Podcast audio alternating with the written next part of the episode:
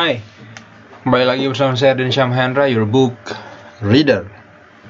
Pada episode kali ini saya akan melanjutkan untuk membaca buku Sejarah Dunia yang disembunyikan karya Jonathan Black, sebuah buku bestseller internasional. Pada episode kali ini saya akan membacakan bab kelima. Kita akan langsung saja. Dewa-dewa yang mencintai perempuan. Nepilin, keahlian teknik manusia, dewa-dewa ikan, kisah asli dari asal-usul spesies. Kita sekarang akan melihat ke dalam salah satu dari bagian yang lebih keruh dan lebih memalukan dalam sejarah dunia.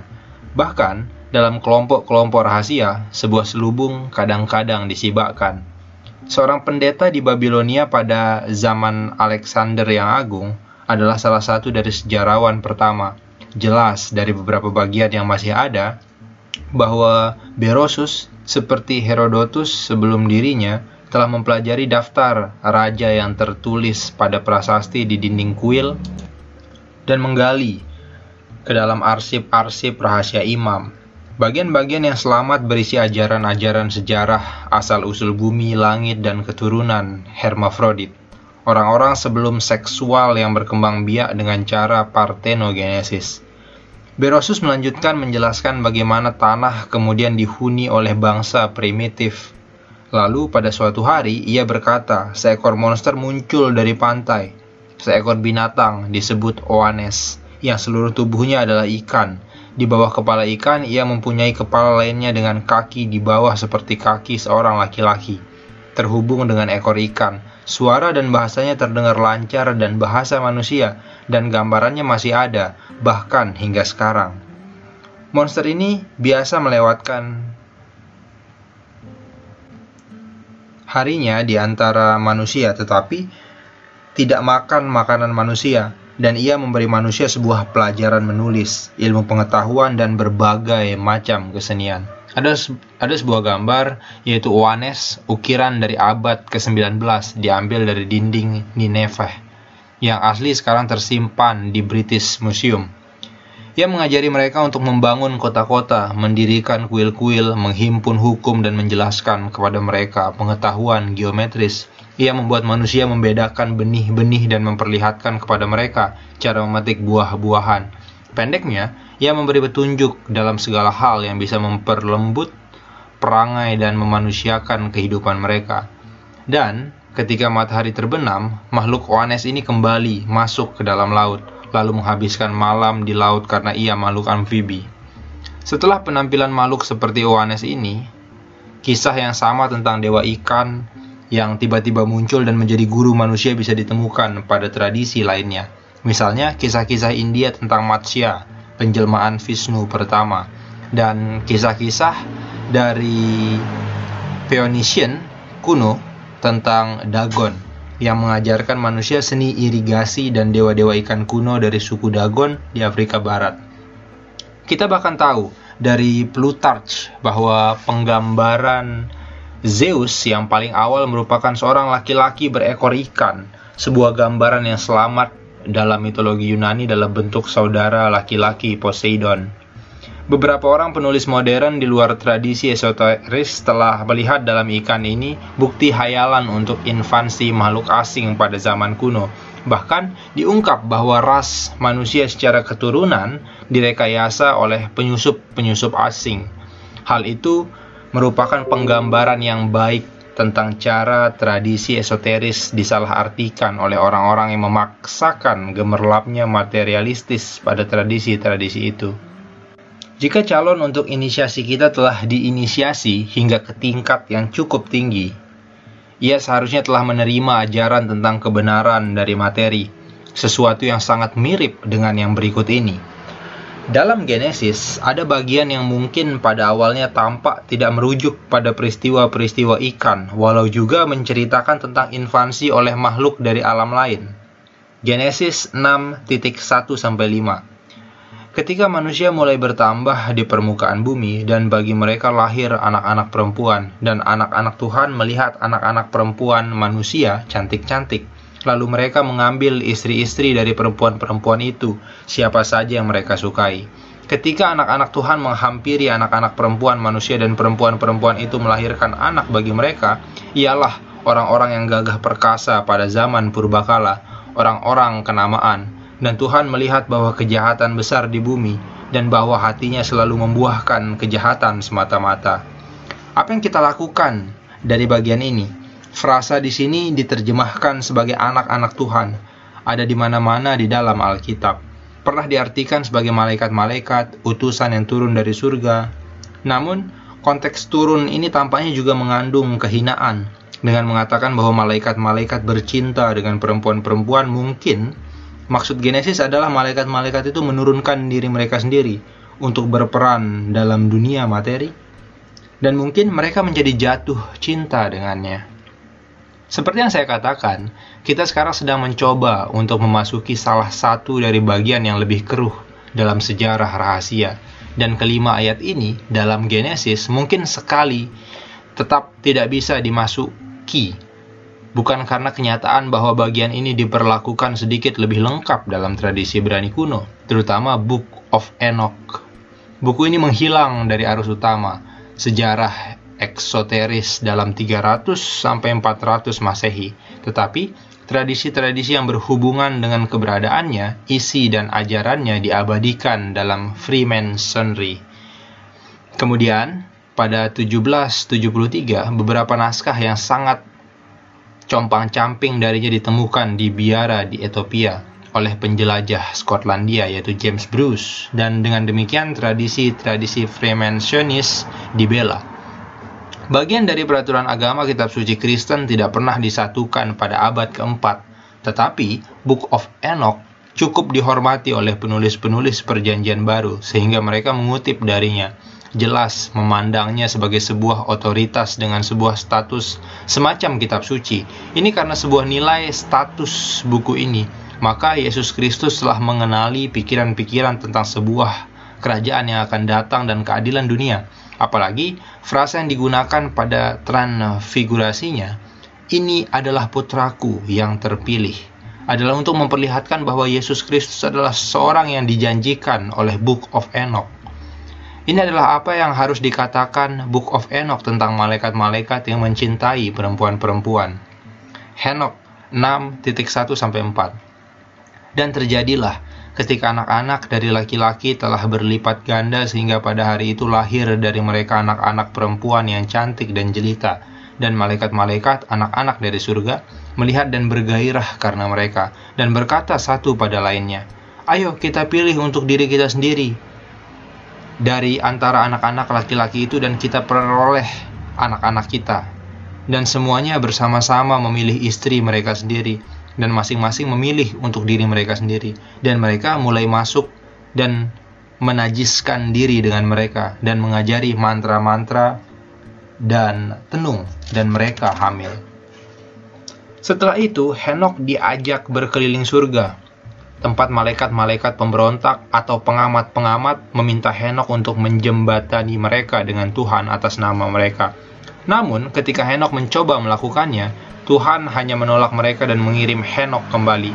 Dan pergilah kepada sang pengamat yang telah mengirimmu untuk menjembatani untuk mereka. Kau harus menjembatani manusia dan bukan manusia untukmu. Kisah tentang malaikat-malaikat pembangkang kemudian diceritakan kembali seperti adanya dengan kata-kata Tuhan sendiri dan dengan tambahan rincian. Henok 6.15-16 Di mana pun kau telah meninggalkan surga yang tinggi, suci dan abadi, lalu bercinta dengan perempuan dan menajiskan diri kalian sendiri bersama anak-anak perempuan manusia dan mengambil istri untuk dirimu sendiri dan melakukan seperti anak-anak di bumi dan mengambil raksasa sebagai anak-anak dengan darah dan daging dari perempuan dan telah memperanakkan anak-anak dengan darah dan daging dan darah dari mereka juga yang telah mati dan binasa. Dan sekarang untuk para penjaga yang telah mengirimku sebagai jembatan untuk mereka yang pernah di surga, katakan kepada mereka, Kalian sudah pernah di surga, tetapi semua misteri belum diungkap untuk kalian. Dan kau tahu, orang hina dan ini di dalam kekerasan hatimu. Kau telah dikenal perempuan-perempuan dan melalui misteri perempuan dan laki-laki bekerja lebih banyak kejahatan di bumi. Karena itu katakan kepada mereka, kau tidak akan damai. Surat dari Yudas 6.6 menjelaskan para malaikat penjaga tidak taat pada batas-batas kekuasaan mereka, tetapi meninggalkan tempat kediaman mereka. Seorang penulis Kristen abad ketiga, Komodianus, menulis, Perempuan-perempuan yang menggoda malaikat-malaikat adalah perempuan sangat cabul, sehingga perayu mereka sekarang tidak bisa kembali ke surga. Akan tetapi, di luar yang sedikit itu, petunjuk terpisah-pisah yang aneh meletakkan sekumpulan sifat yang akrab dengan kita semua. Ketika surat dari Yudas menjelaskan para malaikat penjaga sebagai tidak tetap berada pada masa yang telah ditunjuk, tampaknya merujuk bahwa mereka adalah semacam penjaga waktu. Namun, akhirnya memberitahu kunci untuk mengungkap jati diri tersembunyi dari malaikat-malaikat yang jatuh terletak pada jumlah mereka seperti yang diberikan dalam salah satu dari versi Book of Enoch yaitu tujuh. Dalam semua tradisi tujuh adalah jumlah dewa-dewa besar di tata surya. Lagi kita melihat bahwa kisah Alkitabiah telah disembunyikan di dalam kisah dewa-dewa astronomis seperti dari Yunani dan Romawi. Malaikat-malaikat yang secara seksual tergoda perempuan manusia tidak lain adalah dewa-dewa Olympus. Kita telah melihat bahwa Alkitab berisi catatan tentang penciptaan yang disembunyikan, yang peran utamanya dimainkan oleh Saturnus, bumi, matahari, Venus, dan bulan. Kita telah mengikuti kisah dari materi murni hingga ke nabati, ke pengadukan pertama dari kehidupan hewani Zaman selanjutnya akan ditandai dengan kehadiran dewa-dewa dari tata surya, Jupiter atau Zeus seperti dikenal oleh orang-orang Yunani, menjadi raja dari seluruh dewa. Dewa-dewa Mars dan Merkurius akan terbang menampakkan diri selama zaman ini juga. Bayi Jupiter harus disembunyikan dari ayahnya, Saturnus. Ibu bumi menyembunyikan Jupiter di pulau Kreta dalam sebuah gua jauh di bawah tanah, terpisah dari dewa-dewa lainnya. Jupiter hidup dari minum susu kambing peri dan makan madu lebah suci.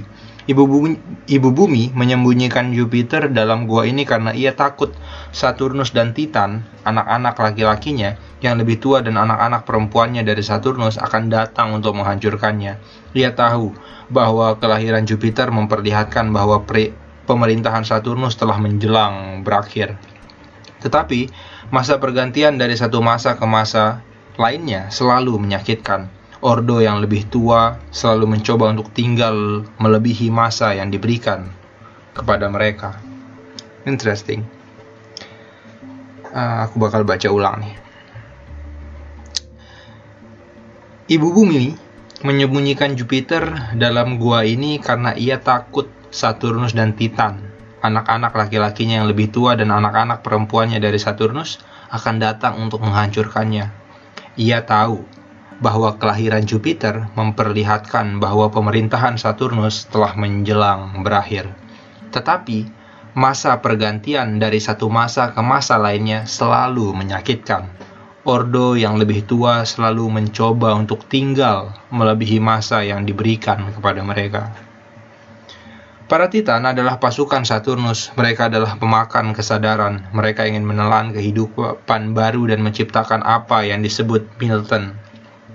Yang tahu segalanya tentang sejarah rahasia sebagai sebuah alam semesta kematian.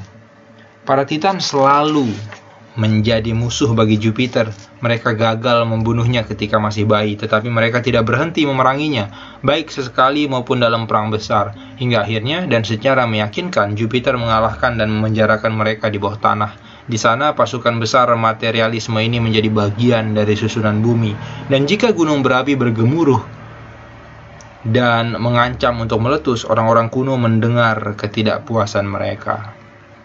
Berikut adalah gambar uh, Telamones digambarkan terpaksa menahan bumi dalam ukiran abad ke-19 ditemukan di Pompei. Telamones merupakan titan yang dipaksa menjadi bagian dari susunan bumi. Keturunan mereka adalah iblis-iblis bumi atau goblin. Pada abad ke-19, mereka ditakuti di daerah-daerah pedalaman di selatan Eropa.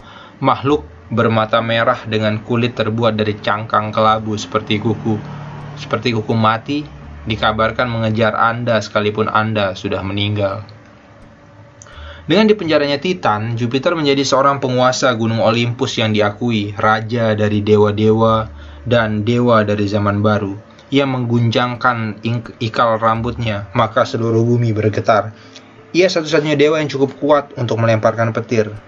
Dalam adikaryanya, The Marriage of Cadmus and Harmony, Roberto Calasso, seorang penulis dari dan sarjana Italia yang telah berusaha keras untuk memperkenalkan esoteris kepada halayak yang lebih luas, sehubung dengan kenyataan historis di balik mitos dengan mengatakan Olympus adalah sebuah pemberontakan cahaya melawan kebenaran. Dengan kata lain, dewa-dewa Olympus, Jupiter, Apollo, Mars, Merkurius, Diana, Athena, dan uh, yang lain memberontak melawan pembatasan yang dibuat oleh Saturnus. Dewa-dewa Olympus terbang di udara untuk melakukan tindakan-tindakan ajaib dan mengalahkan monster-monster mengerikan. Itu adalah zaman yang luar biasa dan sangat baik yang memukul dan menggeliat dalam pikiran, mengilhami beberapa kesenian paling penuh hayalan dalam sejarah, ukiran, dan literatur. Akan tetapi, ia juga agak sinis, sebuah zaman yang dicap memiliki ambiguitas moral.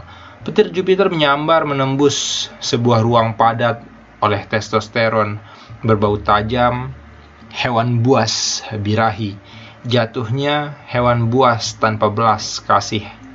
Jupiter memperkosa Kalisto, dan perempuan itu berubah menjadi seekor beruang. Jupiter memperkosa Io, dan perempuan itu berubah menjadi seekor sapi.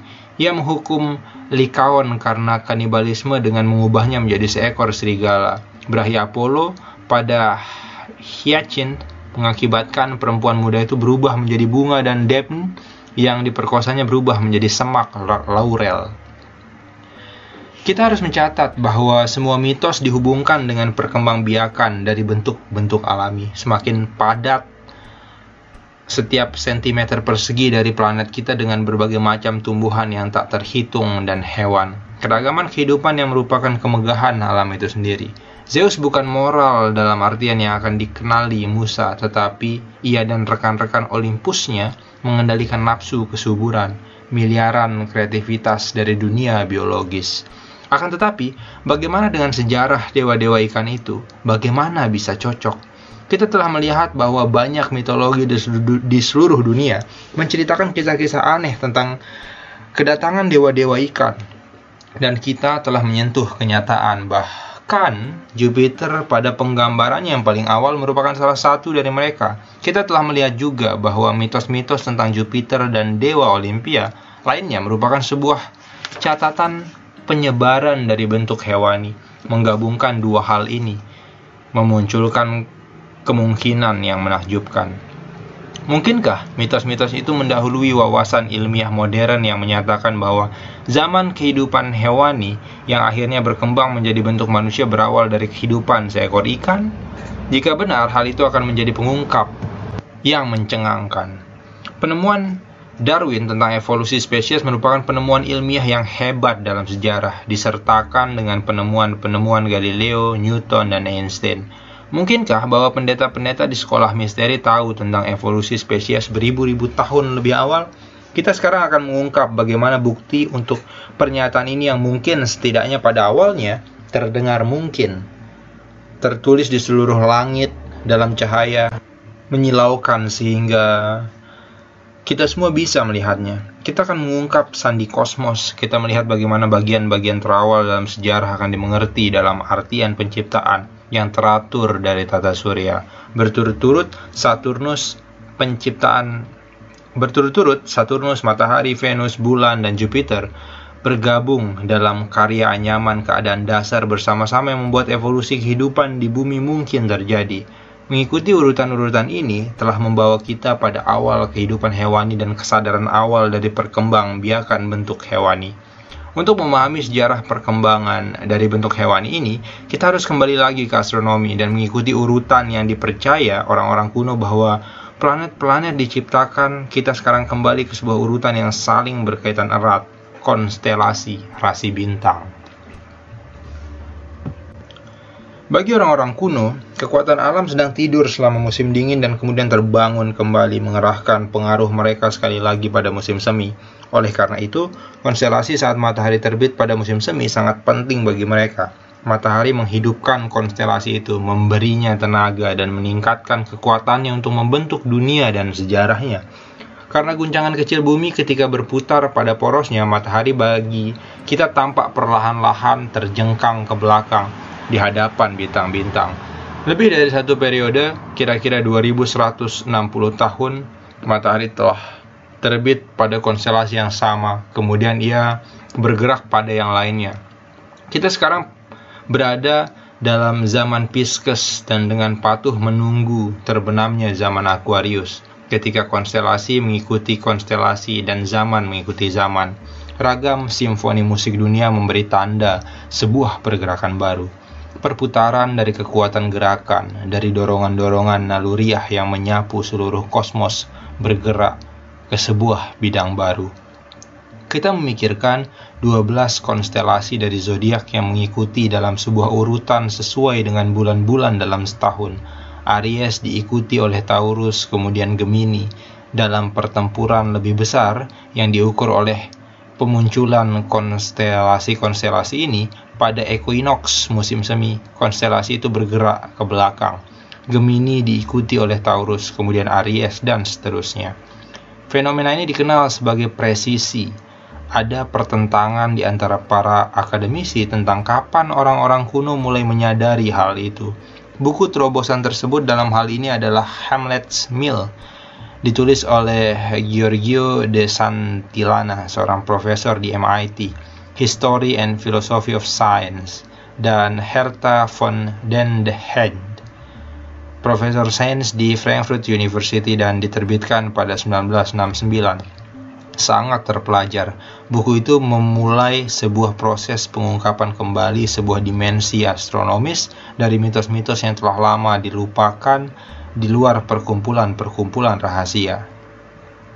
Tesis mereka merupakan kumpulan kisah yang dengan inti seluruh mitologi benar-benar semua literatur dari Oedipus Rex hingga Hamlet, kisah tentang seorang anak laki-laki terbuang yang kemudian mengalahkan pamannya untuk merebut kembali tahta ayahnya, merupakan gambaran dari sebuah kejadian astronomis.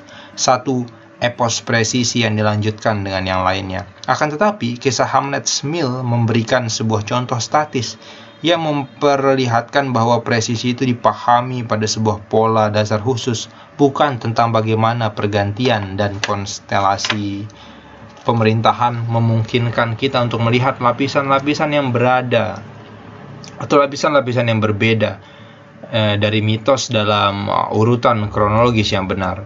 Mari kita sekarang melihat pada urutan dalam artian kenyataan historis yang ada di belakang mitos Jupiter dan dewa-dewa lainnya. Menurut tradisi esoteris. Karena kita sudah melihatnya dalam sejarah yang seperti yang eh, diingat dalam mitos, terutama mitos tentang dewa-dewa Olympus. Kita dengan wajar menggambarkan diri kita sendiri secara anatomi sebagai orang modern, namun kita harus terus mengingat bahwa mitos ini mewakili seperti apa hal-hal itu dalam mata hayalan. Namun, sebuah mata fisik, jika ada, akan melihatnya dengan sangat berbeda. Karena apa yang diwakili oleh gambar ini adalah awal dan perkembangan dari bentuk kehidupan yang primitif. Jika zaman kehidupan laut pertama ditandai oleh kepemimpinan planet Jupiter, kemudian dalam hal presisi, konstelasi ditandai oleh Pisces. Ketika matahari mulai terbit kali pertama dalam konstelasi Pisces, sebuah bentuk mengental dari substansi setengah cair di permukaan bumi, ia adalah bentuk embrio pertama dari bentuk ikan, hampir sama dengan bentuk ubur-ubur pada zaman modern. Orang-orang kuno memahami dorongan evolusi ini sebagai Tuhan. Jika kehidupan primitif di atas bumi, kehidupan yang pada akhirnya berkembang menjadi kehidupan manusia, mengalami bentuk seperti ikan primitif, itu karena seorang dewa mengalami bentuk primitif pertama ini seperti adanya, menarik kehidupan di muka bumi bersamanya. Di Mesir, tempat kejadian ajaib ini, kelahiran kehidupan hewani dikenal sebagai kelahiran Horus, dan gambaran pertama dari Horus seperti gambaran pertama Jupiter, setengah manusia, setengah ikan. Jadi, kita melihat lagi bahwa Yunani dan Mesir seperti orang-orang Yunani dan Ibrani memuja dewa yang sama dalam selubung budaya yang berbeda. Zaman presisi yang berikutnya adalah zaman Aquarius pertama. Ini adalah masa evolusi amfibi, makhluk mengambang raksasa, semacam lumba-lumba modern tetapi dengan kaki dan tangan berselaput dan kening seperti lentera. Lentera ini adalah kelenjar pineal, menonjol dari atas seperti itu masih dijumpai pada beberapa hewan jenis reptil, seperti kadal spesies tutara di Selandia Baru. Lentera Lentera itu masih merupakan organ utama makhluk proto-manusia dari presisi, peka terhadap hangat dan dingin pada makhluk hidup lainnya. Baik yang ada di dekatnya maupun yang jauh, lentera itu bisa menerangi sifat dasar di dalam dirinya.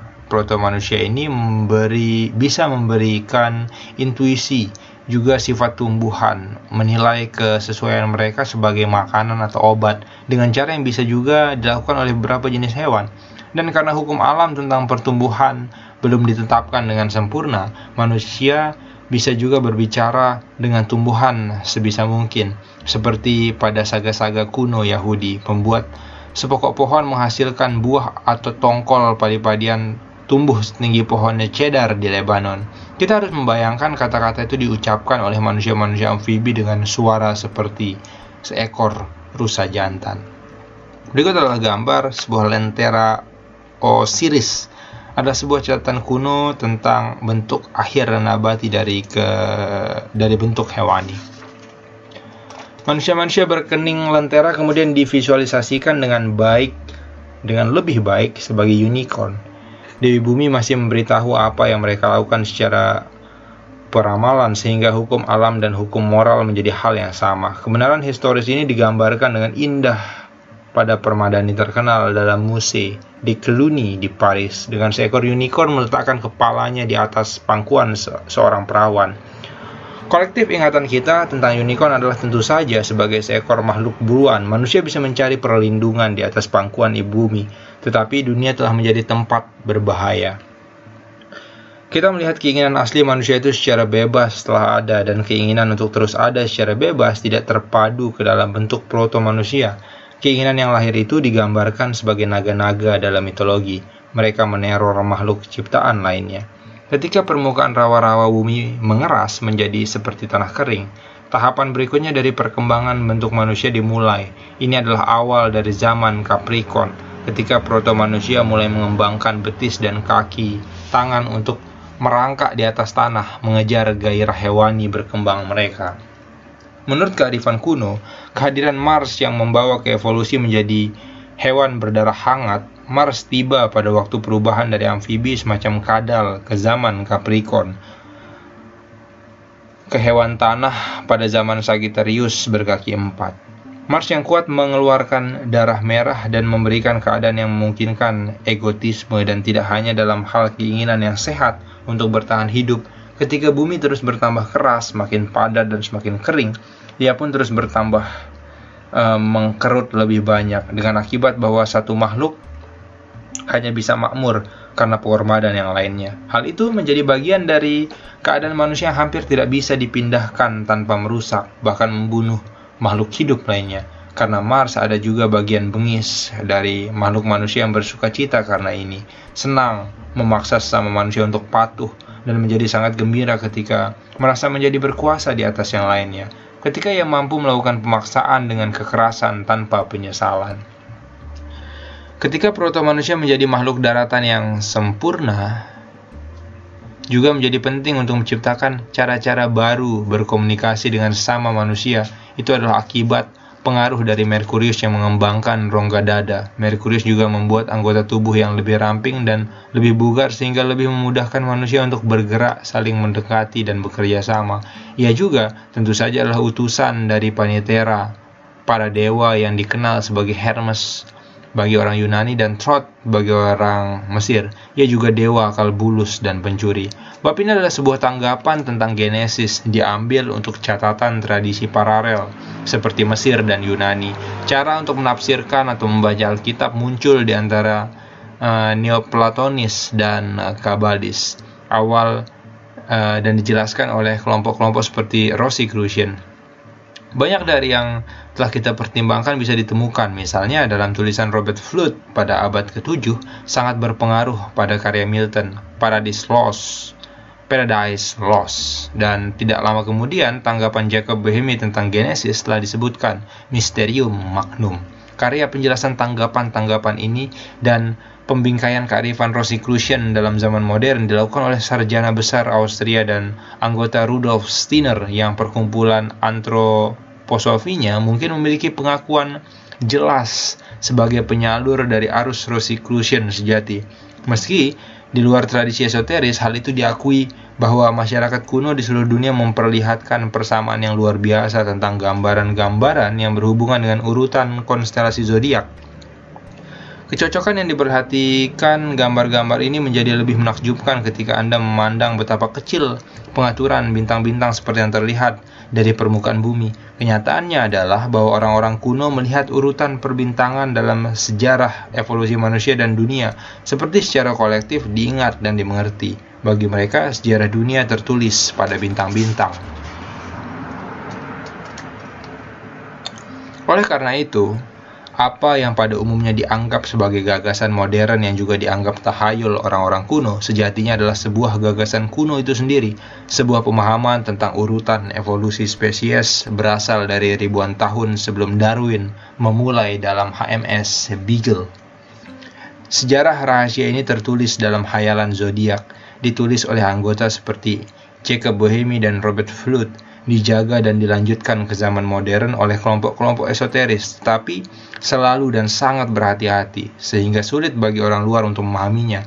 Lalu, pada abad ke-19 ketika naskah-naskah keramat agama Hindu kali pertama diterjemahkan ke dalam bahasa-bahasa Eropa, banyak pengetahuan esoteris yang semula dengan sangat hati-hati dijaga dan dikendalikan sekarang bocor ke kesadaran masyarakat kagum akan gagasan-gagasan itu mengakibatkan sebuah minat baru dalam kabala dan tradisi barat lainnya dan membantu menyulut kegilaan akan spiritualisme. Banyak kaum intelektual pada zaman itu menjadi tertarik dalam mencoba menggunakan uh, metodologi ilmiah untuk spiritual dan fenomena spiritualis.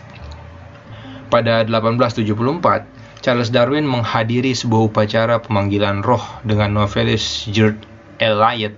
Saingan Darwin A.E. Wallace ambil bagian dalam beberapa percobaan terkendali hingga spiritualisme. Mempercayai fenomenanya bisa diukur dan diuji seperti fenomena lainnya. Seperti yang kita akan lihat kemudian banyak pemuka intelektual termasuk ilmuwan percaya bahwa ada sesuatu dalam filosofi esoteris dan bahwa ilmu pengetahuan dan supranatural akhirnya akan menyatu.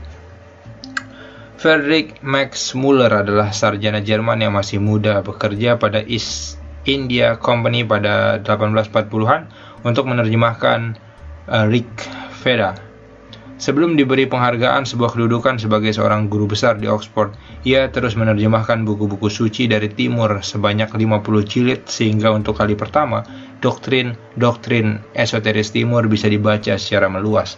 Ia juga sangat akrab dengan Darwin yang selalu surat menyurat secara teratur. The Origin of Species diterbitkan pada 1859. Dalam sejarah rahasia, evolusi spesies bahkan bukan kemajuan seperti yang diduga ilmu pengetahuan. Ada liku-liku yang memiliki implikasi penting sebagai cara memahami fisiologi dan mental kita sendiri. Ada jalan buntu, permulaan palsu, dan bahkan nilai penyabotan yang sengaja. Menurut doktrin rahasia, hewan berevolusi menjadi bentuk yang akrab dengan kita sekarang, dipengaruhi oleh bintang-bintang dan planet-planet. Misalnya, singa oleh konstelasi Leo dan banteng oleh konstelasi Taurus. Area kosmis adalah seluruh bentuk biologis dunia yang secara bertahap akan bergabung menjadi manusia yang ditunjukkan untuk menjadi raja dari segala ciptaan. Ketika dewa-dewa memimpin kemanusiaan menjadi semakin dekat pada anatomi manusia seperti yang kita ketahui sekarang, mereka menganggap bahwa bentuk sebagian hewan dan sebagian manusia diingat oleh orang-orang Sumeria, orang-orang Mesir, orang-orang Persia, dan orang-orang Babilonia hingga akhirnya mereka menganggap bentuk-bentuk sempurna secara anatomis yang diingat oleh peradaban besar terakhir dari dunia kuno, orang-orang Yunani dan Romawi. Misalnya, dewi dari planet Venus adalah Hathor yang berkepala sapi dan dewa planet Merkurius adalah Anubis yang berkepala anjing pada dinding-dinding kuil orang-orang Mesir. Menurut tradisi rahasia, dewa-dewa yang sama, makhluk-makhluk hidup yang sama diingat oleh orang-orang Yunani klasik berikutnya dalam sebuah bentuk yang lebih berkembang. Berikut adalah gambar kepala Medusa. pada sebuah hiasan Yunani. Langit malam hari adalah sejarah hidup karena benda-benda surgawi terlihat sebagai benda-benda materi makhluk spiritual atau dewa-dewa. Orang-orang kuno percaya memiliki kemampuan berkomunikasi dengan makhluk-makhluk itu dan merasakan pengaruh mereka. Misalnya, bukan suatu kebetulan bahwa bintang Algol terkait dengan kepala Gorgon Medusa dalam tradisi Yunani dirasakan sebagai sebuah pengaruh berbahaya dalam seluruh budaya dunia kuno. Para astrolog Ibrani menyebut hantu setelah malam hari sebagai Lilith dan bahkan sebelum ini orang-orang Ibrani di gurun uh, telah menyebutnya sebagai kepala setan. Sementara orang Cina menggunakan sebuah frasa mayat bertumpuk. Perbedaan budaya mengalami kenyataan spiritual yang sama ketika mereka melihat ke atas pada era langit yang sama. Naskah-naskah kuno menjelaskan zaman ini juga meletakkan penekanan pada raksasa-raksasa. Penulis Book of Enoch ditulis dalam tradisi Ibrani dan Plato ditulis dalam tradisi Yunani. Setuju bahwa pada zaman sebelum air bah ada ras raksasa. Sejatinya tradisi-tradisi dari ras raksasa yang kuno sekali bisa ditemukan di seluruh dunia, dari Danavas dan Daityas dari India hingga Miatse dari Cina. Dalam sebuah dialog between Midas, the Phrygian and Silenus yang selamat dalam bentuk pecahan dari zaman Alexander yang Agung, Silenus berkata bahwa orang-orang tumbuh berukuran dua kali lipat dari orang-orang terjangkung pada masanya, dan mereka hidup dengan usia yang dua kali lipat juga. Dalam tradisi rahasia, patung raksasa Bamyan yang baru-baru ini dihancurkan di Afghanistan bukan patung tiga raksasa Buddha melainkan patung seukuran sebenarnya dari raksasa dengan tinggi 173, 120 dan 30 kaki. Pakaian yang membuat mereka tampak seperti Buddha terbuat dari semen. Dikatakan telah ditambahi dengan batu setelah itu. Pada abad ke-19, uh, dicatat bahwa orang-orang uh, daerah percaya bahwa mereka adalah patung Miatse, raksasa-raksasa dari tradisi Cina. Patung-patung terkenal dari Easter Island uh, juga diduga memiliki ketinggian dari raksasa-raksasa bersejarah. Ular-ular, laba-laba, kumbang, dan makhluk-makhluk parasit dibentuk di bawah pengaruh kebengisan dari sisi gelap bulan. Kemudian ada orang sinting di jalan buntu, laki-laki berkaki satu, manusia kelelawar, manusia serangga, dan manusia berekor. Maneto, sejarawan Mesir dari abad ketiga Masehi juga mencatat tradisi-tradisi keturunan malaikat-malaikat pengawas. Penulis mereka membawa manusia bersayap ganda, juga yang lainnya dengan empat sayap dan dua wajah manusia dengan satu tubuh dan dua kepala, sementara manusia lainnya mempunyai paha kambing dan tanduk pada kepalanya, yang lainnya mempunyai kaki belakang kuda dan kaki manusia di depan. Ada juga yang lainnya dikatakan laki-laki berkepala banteng dan anjing-anjing berkepala empat yang ekornya muncul dari punggung seperti ekor ikan, dan monster-monster lainnya, makhluk-makhluk seperti naga. Maka, ini adalah zaman yang dikenang dalam mitos-mitos besar dan bergema dalam literatur khayalan yang besar, seperti The Lord of the Ring karya G.R.R. Tolkien dan buku serial Narnia karya C.S. Lewis. Literatur khayalan ini mewakili sebuah aliran ke dalam masa kini dari sebuah kenangan kolektif dari zaman itu ketika manusia hidup di bumi bersama dengan raksasa-raksasa, naga, putri duyung, manusia setengah kuda, unicorn, manusia bertanduk kambing, manusia bertelinga dan berekor kuda, legend kurcaci, peri, peri, bidadari, peri hutan, dan makhluk hidup spiritual yang lebih rendah yang melayani dewa-dewa dan manusia hidup berdampingan dengan mereka, berperang bersama mereka, dan kadang-kadang jatuh cinta kepada mereka. Dalam sejarah rahasia, Makhluk terakhir untuk berinkarnasi sebelum manusia adalah kera. Mereka muncul karena beberapa roh manusia bergegas berinkarnasi terlalu cepat sebelum anatomi manusia disempurnakan. Oleh karena itu, dalam sejarah rahasia, tidak benar mengatakan bahwa manusia adalah keturunan kera, tetapi kera mewakili sebuah degenerasi dari manusia. Tentu saja, tidak ada makhluk menakjubkan yang meninggalkan jejak dalam catatan fosil. Jadi, mengapa laki-laki dan perempuan hebat dalam sejarah? Anggota perkumpulan rahasia percaya kepada mereka. Mengapa orang cerdas mana pun harus mulai bermain-main dengan pemikiran itu? Sekian, sampai jumpa di bab berikutnya.